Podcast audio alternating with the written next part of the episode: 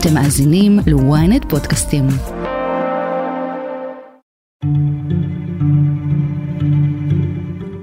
a dozen countries have suspended aid to the United Nations Relief and Works Agency for Palestine refugees in the Near East, known as UNRWA. UNRWA. UNRWA. UNRWA. UNRWA. UNRWA. UNRWA. UNRWA. UNRWA fired most of the workers accused of participating in the brutal October 7th Hamas terrorist attacks, and the UN says it will investigate. בשבועיים האחרונים מתפרסמות ידיעות הקושרות בין ארגון הסיוע לפליטים של האו"ם, אונר"א, לבין פעילות הטרור של חמאס והשבת השחורה בפרט.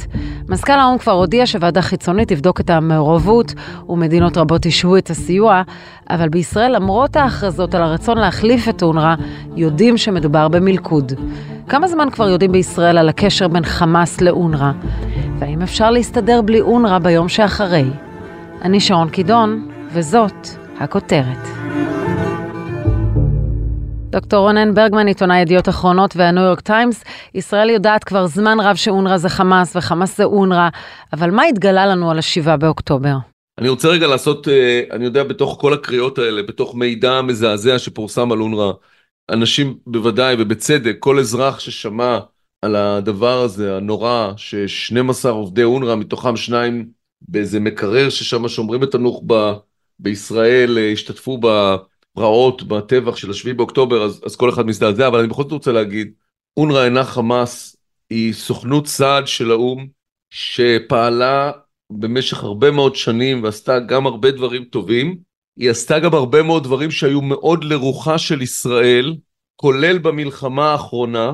אני אגיד פה דבר שכששמעתי אותו מפקידים בכירים ישראלים, בכירים מאוד, אני לרגע הופתעתי שחשבתי שאני מדבר עם אנשים הלא נכונים, או שמשהו הסתובב להם בראש, אבל הרבה מאוד אנשים, כשמדברים, אנשים שמאוד בקיאים בעולם הפנימי של היחסים בין ישראל לאונר"א, חוזרים על אותו דבר, הם אומרים, ישראל צריכה את אונר"א, וכאן, תכף נגיע לזה, התסבוכת הגדולה, הפלונטר הגדול, המלכוד הנורא הזה ביחסים שבין ישראל לאונר"א, ישראל צריכה את אונר"א לא רק בימי רגיעה, אלא בעיקר בימי לחימה, וכאן המשפט המפתיע, בזכות אונר"א היו לישראל בכל העימותים בינה לבין עזה, בינה לבין חמאס, בינה לבין הג'יהאד, הרבה יותר לימי לחימה מאשר היו עלולים להיות לה אלמלא אונר"א. כי אונר"א מספקת אוכל, מספקת מחסות, מספקת אנרגיה, חשמל וכאלה, ועוד כל מיני דברים שאפשרו לישראל להגיד אוכלוסייה מסוימת נמצאת תחת איזשהו סוג של הגנה, אני, ישראל יכולה להמשיך להילחם. אבל מצד שני, ואני, יש פה בעצם שני, הייתי אומר, שני סוגים של ויכוחים או, או, או נרטיבים היסטוריים קשים מאוד שפועלים נגד אונר"א. אחד, שהוא הנרטיב הכללי שאומר אונר"א היא לא חלק מהפתרון, היא חלק מהבעיה, היא סוכנות מוזרה של האו"ם, שבמקום לטפל ביישוב פליטים, ויש סוכנות פליטים של האו"ם, נפרדת, אבל במקום לטפל ביישוב של פליטים, בפתרון של פליטים, היא מטפלת במידה מסוימת בהנצחת הפליטות, כי הבטיחו לפליטים האלה, אפשר להיכנס לסעיפים ההיסטוריים אם רוצים, הבטיחו להם שהם יחזרו למולדתם, קרי איפה שאנחנו נמצאים, ולכן, אם הם ירצו, ולכן כל עוד הם רוצים לחזור, זכותם להחליט שהם רוצים להמשיך להיות פליטים, ולכן האונר"א מטפלת בהם. כלומר זה איזשהו, איזשהו משהו הרבה יותר רחב, אסטרטגי, היסטורי, אפי, ביחסים שבין אונר"א לבין המציאות, בין אונר"א לבין הפלסטינים, בין אונר"א לבין ישראל. אונר"א אינה חמאס, היא סוכנות סעד של האו"ם, שכוונות חלק מהאנשים ה... שעובדים בה הם כוונות טובות, או גם כוונות טובות, אבל היא סוכנות סעד שקיבלה תפנית מאוד מאוד בעייתית, נחדרה על ידי החמאס, ובעצם הפכה במקרים רבים לכלי שרת בידי החמאס, שההשתתפות של אנשים, של עובדים שלה, בתוך הטבח, זה אולי הגילוי הכי מפלצתי של, ה, של המקרים האלה. אילו חומרים אמ"ן מציג בפני האמריקנים שמביאים את ארצות הברית להודיע על השעיית התמיכה באונר"א? אמ"ן הציג מזכר, מה שאנחנו כינינו פטריק קינגסלי, ראש משרד ירושלים של הניו יורק טיימס ואני, בכתבה שחשפה את הפרטים, The First Dossier, המזכר הראשון, מזכר הראשון באנגלית שהוא עבר ל-CIA, לשליח המיוחד של נשיא ארה"ב למזרח התיכון לעניינים הומניטריים, סאטרפילד, ולשגריר האמריקאי בירושלים. בפגישה ביום אה, לפני כשבועיים עם אהרון חליבה, ראש אמ"ן וצוותו, ולפני זה עם שר הביטחון, יואב גלנט, יש פה שלושה חלקים. החלק הראשון, שימוש במתקני אונר"א לירי של אה, רקטות וטילים, למנהרות, חפירה של מנהרות שעוברות מתחת להמתות, אבל עם פירים שנמצאים בתוך המתקנים האלה, וידיעה די ברורה, אולי נחזור לזה בהמשך. שתיים, אמירה שגם צריך לפרט מאיפה היא מגיעה, אבל שלפי השוואה של שתי רשימות, רשימת חברי חמאס מצד אחד ורשימת עובדי אונר"א מצד שני, ל-50% מעובדי אונר"א יש קרובים מדרגה ראשונה בחמאס. זה הייתי אומר, זה מראה על איזושהי יכולת להשפיע, אבל זה לא אשמתו של אדם שפלוני קרוב משפחה שלו החליט להיות בחמאס. ג'יבריל רג'וב, אדם שדי קרוב אלינו ברשות הפלסטינית, יש לו אח שמאוד מאוד בכיר בחמאס, אבל יותר חשוב, עשרה אחוז אמ"ן טוען מכלל העובדים באונר"א הם גם חברי חמאס, ומתוכם לפחות 200 לוחמים פעילים ביחידות הלוחמות של החמאס, כולל בנוח'בה. וגולת הכותרת, שהיא זו שעוררה את עיקר הזעם והגל המטורף הזה שזעזע את העולם הדיפלומטי, זה ש-12 עובדים פעילים של אונר"א, רובם מורים, מורים לערבית, למתמטיקה, עובדים סוציאליים, השתתפו בפועל באירועי השביעי באוקטובר, או במה שקרה מיד לאחריהם. מתוכם עשרה חברי חמאס, חבר אחד בג'יהאד האיסלאמי, מתוכם תשעה אותרו אחר כך אחרי על ידי אה, נציב אה, אונר"א, שניים נמצאו, אותרו על ידי ישראל במקררים שבהם שומרים את הגופות של הנוח'בה, ואחד, לא ברור איפה הוא, אולי, אולי, גם הוא אולי בישראל ולא מצאו אותו, גופתו כמובן. מתוכם שלושה, יש להם תפקידים פעילים בגדודים לוחמים של החמאס. לאחד מהם אומרים, אל תשכח להביא את המטולים והרקטות שיש אצלך בבית. זאת אומרת, זה אנשים שהם באקטיב דיוטי בחמאס. אחד מהם, יחד עם הבן שלו, חוטף אישה מישראל ומעביר אותה לעזה. אחד מהם חוטף גופה של חייל. אחד מהם משתתף בטבח בבארי, אני מזכיר טבח שנספו בו, נרצחו בו 97 אזרחים. מתוכם שישה, יש גיאו-לוקיישן שלהם.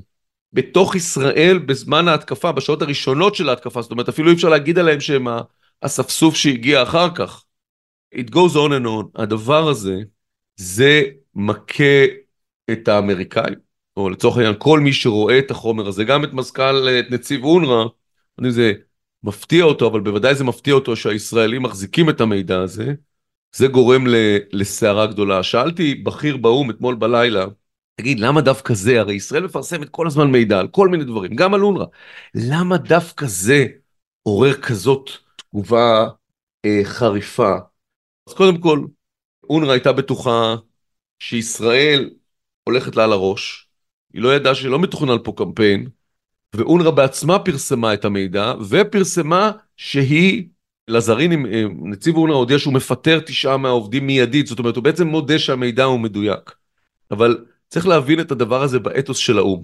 לפני כחודש, כל עובדי האו"ם בעולם עמדו דקת דומייה לזכרם של 100 עובדי אונר"א, שלדברי מזכ"ל האו"ם נספו בגבורתם בגלל המעללים של ישראל. עכשיו מתברר שהארגון הזה טובל ושרץ בידו, שלפחות חלק מהאנשים שלכבודם עמדו כל עובדי האו"ם בעולם דקה דומייה, הם מתו כי הם, הם השתתפו בטבח בבארי או בקיבוצים האחרים. זה לוקח נרטיב מרכזי מאוד של האו"ם והופך אותו על פניו.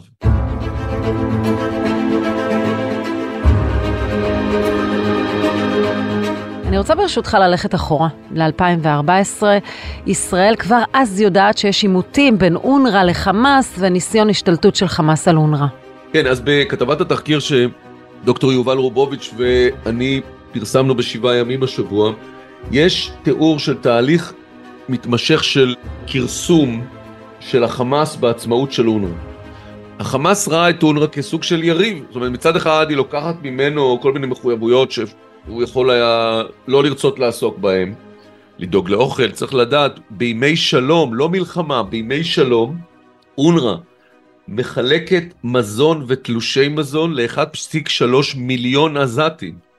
היא מספקת עבודה ל-13 אלף עזתים, זאת אומרת, וכל אחד זה הוא וכל בני המשפחה שלו, ישירות משכורת, מדובר על גורם שיחד עם uh, החמאס ועם הרשות הפלסטינית, הוא אחד משלושת המעסיקים הגדולים, אבל ההשפעה שלו היא הרבה מעבר, הוא גם משלם את המשכורת תמיד בזמן, זה לא דבר שקורה אצל האחרים, אבל הוא משפיע דרמטית, והחמאס אומר, בואנה, יש פה יריב.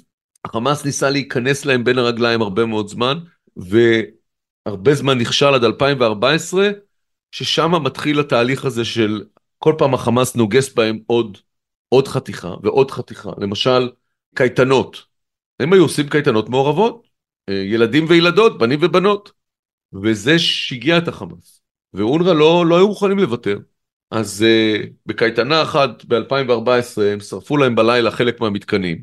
ואז בקייטנות uh, שנה אחרי זה, ב-2015, כבר אונר"א הביאו את הרמז ועשו קייטנות עם הפרדת מגדר. או חמושים של החמאס, שמציקים לאנשי אונר"א, ליחידת האבטחה הקטנה של אונר"א, שהיא לא איזה משהו חשוב, מגינה על בתי ספר וזה. ואז אונר"א, קצת כמו באיזה סרט מאפיה, לוקחת את המורה מבית הספר, בתו של מחמוד הזהר, וממנים אותה לבחירה ביחידת האבטחה, ואז נגמר, כל הסיפור הזה נגמר. אין יותר הטרדות, כי, כי הבת של מחמוד הזהר שם, נדמה לי שלא צריך uh, להכביר במילים. היועץ המשפטי שלהם, מייקל קול, שלא נותן לחמאס להתעסק עם uh, תכני הלימוד, שחוקר מקרים שישראל באה בטענות על זה שיש עובדי אונר"א שהם אנשי חמאס, מתחיל לקבל אה, איומי מוות, וזה לא עוזר.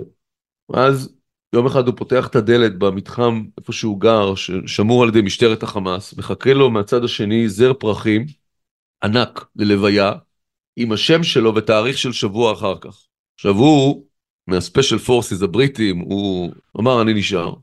ואז איזה שבוע אחר כך מגיע שליח עם מתנה למטה האו"ם, פותח את המתנה, בפנים יש רימון רסס חי.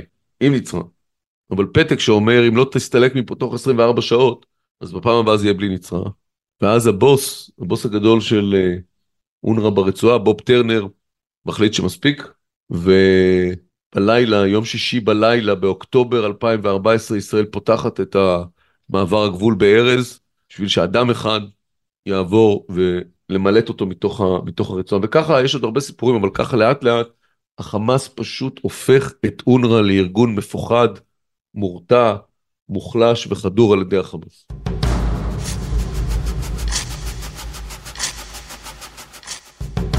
במקום לעבוד יחד עם החמאס, אונר"א מצא את עצמו מתחרה בחמאס. And if you can beat them, join them. ומאז אונר"א, בובה של החמאס. האם ביום שאחרי המלחמה נוכל להסתדר בלי אונר"א? תכף נמשיך. אבל קודם אנחנו מזכירים לכם לעקוב אחרינו בספוטיפיי, לעשות פולו באפל פודקאסט ולהצטרף לקהילת הכותרת. Children in Gaza are hungry, and the fear is that they're about to get hungrier. The UNRWA does not have a significant financial reserve like some other UN agencies have. So these cuts might start impacting services as soon as next month. בשל המצב הקשה בעזה, הפליטים הרבים והמחסור בציוד הומניטרי, נוצר מה שנקרא מלכוד אונר"א. בוא תסביר לנו מהו מלכוד אונר"א.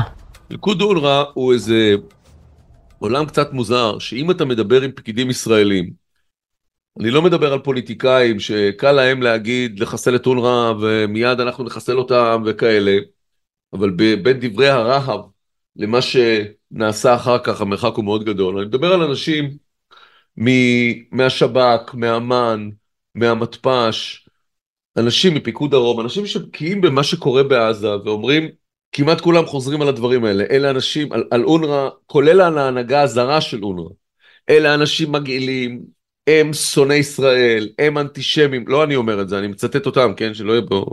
עמוס גלעד, און רקורד אומר, אלה אנשים מתועבים, שונאים אותנו, אבל, הנה עמוס גלעד שהיה פעמיים מתפ"ש, אומר, תראו, לא משנה מה המידע המודיעיני שהצטבר על מעורבות של חמאס באונר"א, מעולם מעולם אף אחד מהבכירים הזרים, אונר"א היא בעיקרה עובדים מקומיים, אבל יש לה הנהגה דקה של אה, בכירי או"ם שמובילים אותה.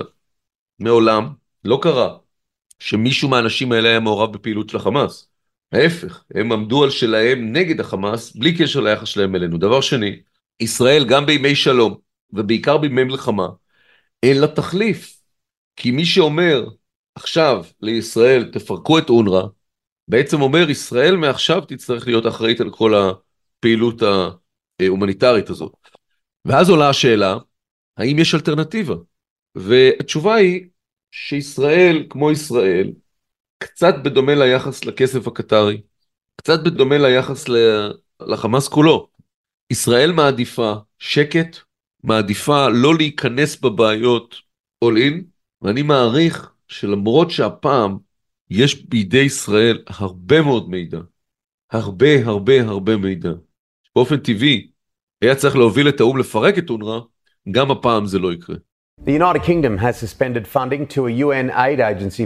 The UK joins the US, Australia, Italy, the Netherlands, Canada, and Finland in suspending funding to the agency. The UN has fired the 12 members. מה המשמעות של השעיית מקורות המימון של אונר"א ברצועה בעת הזאת? תראו, בזמנו הנשיא טראמפ הפסיק את המימון של 400 מיליון דולר לאונר"א, ואונר"א באמת הייתה במשבר, אבל יחסית היו תורמים אחרים שהצליחו להשלים חלק מהדבר הזה. אבל אם כל המדינות שהודיעו שהם יפסיקו את המימון לאונר"א, יפסיקו את המימון לאונר"א. זה מאוד פשוט, אונר"א משלמת הרבה מאוד כסף למורים.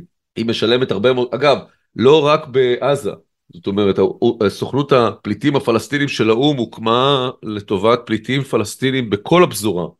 זה בחמש מדינות, סוריה, לבנון, ירדן, רשות פלסטינית ועזה. אז ההשפעה היא רוחבית. וזה יכול אגב לגרום הפסקת הפעילות של אונר"א במקומות האלה, תלושי המזון, החינוך, שירותי הבריאות, זה יכול לגרום ל-civil unrest באותם מקומות במחנות פליטים, זו אוכלוסייה מאוד מאוד ריאקטיבית. זה לא, לא פשוט גם שם. בכל אופן, הפסקה של המימון יכולה לגרום לירידה דרסטית בנפח הפעילות של אונר"א, ובסופו של דבר להתפרקות של המנגנון, כי אם לא משלמים משכורת פשוט אין מנגנון. אה, יש הצהרה של המדינות התורמות שאומרות אנחנו נעצור עד שתהיה חקירה רצינית של מה שקרה, זאת אומרת לא עצירה מוחלטת לתמיד, השאלה היא כמובן מה החקירה הזאת תביא. וכשהוא מדבר על ועדה חיצונית שתבדוק את אירועי 7 באוקטובר, אפשר לסמוך על זה? תראו, תמיד אפשר לבוא ולהגיד אלה רק 12.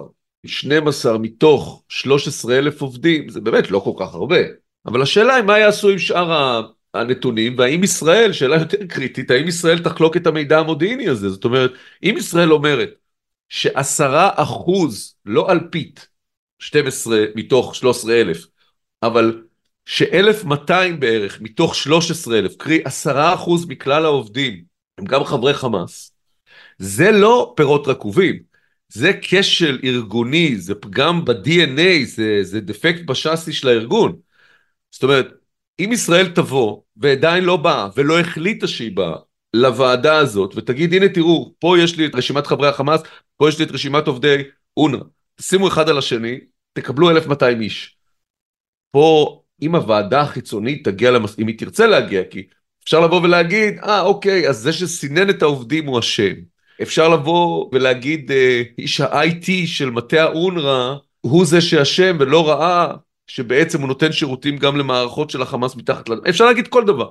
אבל ככל שהדבר הזה יצטבר בדעת הקהל הבינלאומית, ויש עניין גדול מאוד, אני כאיש הניו יורק טיימס יכול להגיד לכם, יש תיאבון בלתי רגיל של התקשורת הבינלאומית המערבית בנושא הזה, זה נושא קריטי.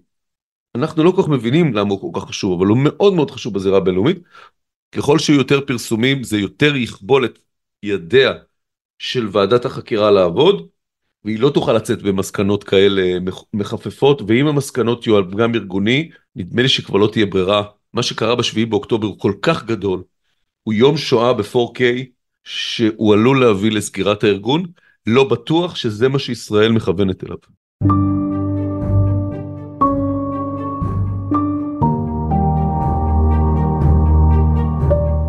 אתה נכנסת בסוף השבוע לרצועה ולמעשה ראית במו עיניך את הערבוב הזה בין חמאס לאונר"א מדובר באחת המנהרות הארוכות ביותר שמתחילה בפיר בית ספר של אונר"א ומסתיימת במטה הטרור. אפשר להעלים עין מדבר כזה? אונר"א יכולה להגיד, רחמים לא ידע? אז תראו, רגע לפני שהמערך התת-קרקעי המטורף הזה פוצץ, הגענו לשם, בתווך שבין אה, שתי לרימל, בצפון הרצועה, בתוך העיר עזה. בניגוד לפעמים הקודמות שבאתי מצפון, מהצד של זיקים, הפעם באתי מהביטור ואחר כך אה, בעצם אה, על ציר החוף לכיוון צפון, ואז בין עיגול כזה חזרה מזרחה. יש שם מנהרה, או מערך של מנהרות, אפילו אי אפשר לקרוא לזה מנהרה, שאנחנו בעצם התחלנו אותו בצד של מטה אונר"א, המטה הכללי של אונר"א ברצועת עזה, שזה מין קומפלקס של בניינים, ששם ראינו חדר שרתים ותקשורת עם uh, כמות מטורפת של חוטים וחיווט, עם דבר אחד מוזר, שכולם הולכים כלפי מטה למרות שאנחנו בקומה אפס. אין מתחתנו, אין, אין קומות מתחתנו. זה כאילו הולך לתוך בטן האדמה. אין שום סיבה שכל החיווט הזה ילך למטה. פלוס גם איזה חיתוך של חלק מהחוטים שברור שהחמאס או מישהו עשה ניסיון שלא יראו לאן החוטים האלה הולכים. יש שם חור לתוך האדמה, ליד, לבקשת uh, הצבא, הצלם של הניו יורק טיימס, סרגי uh, פונומרב ונתן גו פרו שיצלם כדי להוכיח לנו אחר כך באמת שזה יורד למטה, אני נתתי תעודת עיתונאי שלי, וזה ירד לתוך האדמה, ואז אנחנו עוברים מעל הקרקע לבית ספר, ואז נכנסים למנהרה שחפורה מתחת לבית הספר, ומשהו כמו 800 מטר הליכה, חזרה מתחת למטה של, למטה של אונר"א. חלק מהמנהרה, קודם כל יש בה הרבה מאוד התפצלויות וכניסות ויציאות, אבל בחלק שאנחנו הלכנו, היו כמה פעמים שאני ניסיתי ללכת להתפצלויות, יש שם המון זיגזגים, החמאס בנה את המנהרות שלו בזיגזג, כדי למנוע אפשרות להצפה או להכנסה של גז או הכנסה של חומרי נפץ עם דלתות הדף. אבל תמיד הצבא קלט אותי ברגע האחרון ומשך אותי חזרה לנתיב המרכזי. בנתיב המרכזי שבו אנחנו הלכנו, חלק היה סלול וכזה מצופה קרמיקה, וחלק כבר היה מוצף במים.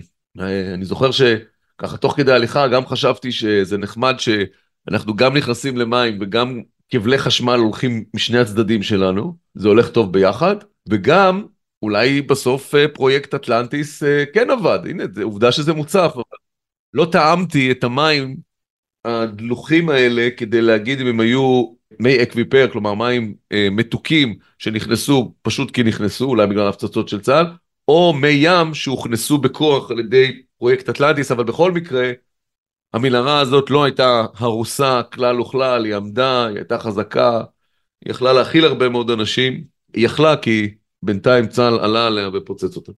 עכשיו, זאת מנהרה שאין בה סימן לחטופים, אין בה סימן אה, אה, לא חפצים של חטופים ולא כאלה תאי כלא, אבל זאת מנהרה שלי עשתה רושם של מטה שליטה, תקשורת ומודיעין, מטה מבצעי, בעצם אולי הדברים שציפינו למצוא מתחת לשיפא, לבית החולים שיפא, מצאנו מתחת למטה המרכזי של אונר"א ברצועת עזה.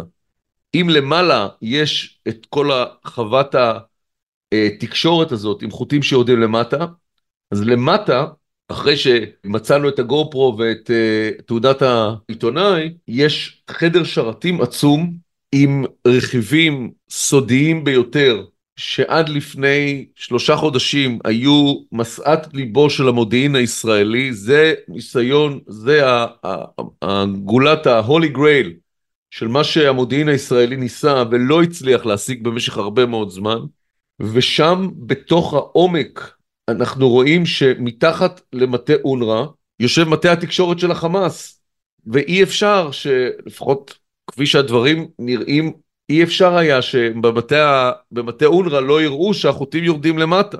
למה שהם ירדו למטה? וכמו שראינו בבתי חולים, אמצעים למעלה נותנים שירותים למטה, תקשורת, חשמל, אה, אוורור וכאלה.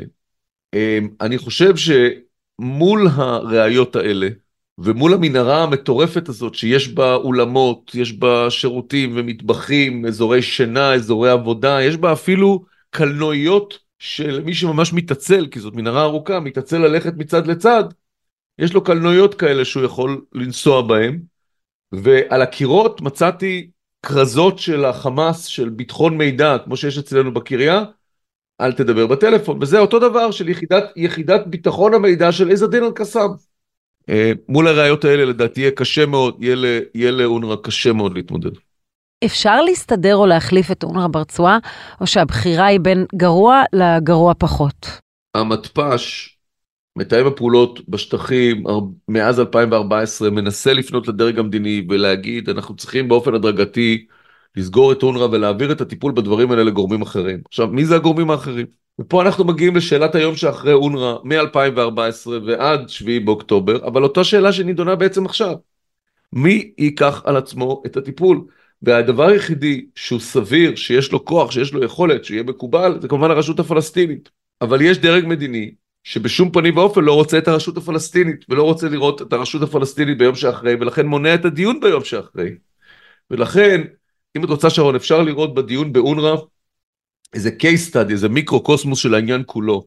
לדעתי לאונר"א לא יקרה כלום, לא בגלל האו"ם, שבוודאי הוא בייסט בחלקו, ולא מודה או לא ירצה לחקור, אבל עכשיו, כמו שאבי עליו השלום נהג להגיד בערבית ספרותית, עבור אונר"א יכול להיות שזה צושפייט, זה מאוחר מדי עבורם, אבל מי שלדעתי הולך להציל את אונר"א, או לפחות לא לסגור עליה את הגולל, זו דווקא ממשלת ישראל, שתבין שכדי לסגור את אונר"א צריך להביא מישהו במקום. והמישהו במקום יכול להיות רק איזו אקסטרפולציה כזו או אחרת על uh, הרשות הפלסטינית. כדי שהיא לא תהיה, בסוף ינציחו את אונר"א כמו שהנציחו את הכסף הקטרי, כמו שהנציחו את החמאס. דוקטור רונן ברגמן, תודה רבה לך. תודה. ועד כאן הכותרת להפעם, אם עדיין לא נרשמתם לעקוב אחרינו באפל או בספוטיפיי, כדאי לכם. אתם מוזמנים לדרג אותנו, להגיב לנו, אנחנו נשמח לקרוא. את הכותרת אפשר למצוא גם באתר ynet או באפליקציה, בנייד וברכב. אם הגעתם עד פה, אתם מוזמנים להאזין לפרק נוסף שלנו עם רונן ברגמן על דילמת מטרות המלחמה. חפשו את הפרק הימשכות המלחמה ושחרור החטופים לא הולכים יחד. תחקיר, הפקה ועריכה גיא סלם ועדן דוידוב, סאונד ומיקס נדב ברכה. אני שרון קידון, שמרו על עצמכם.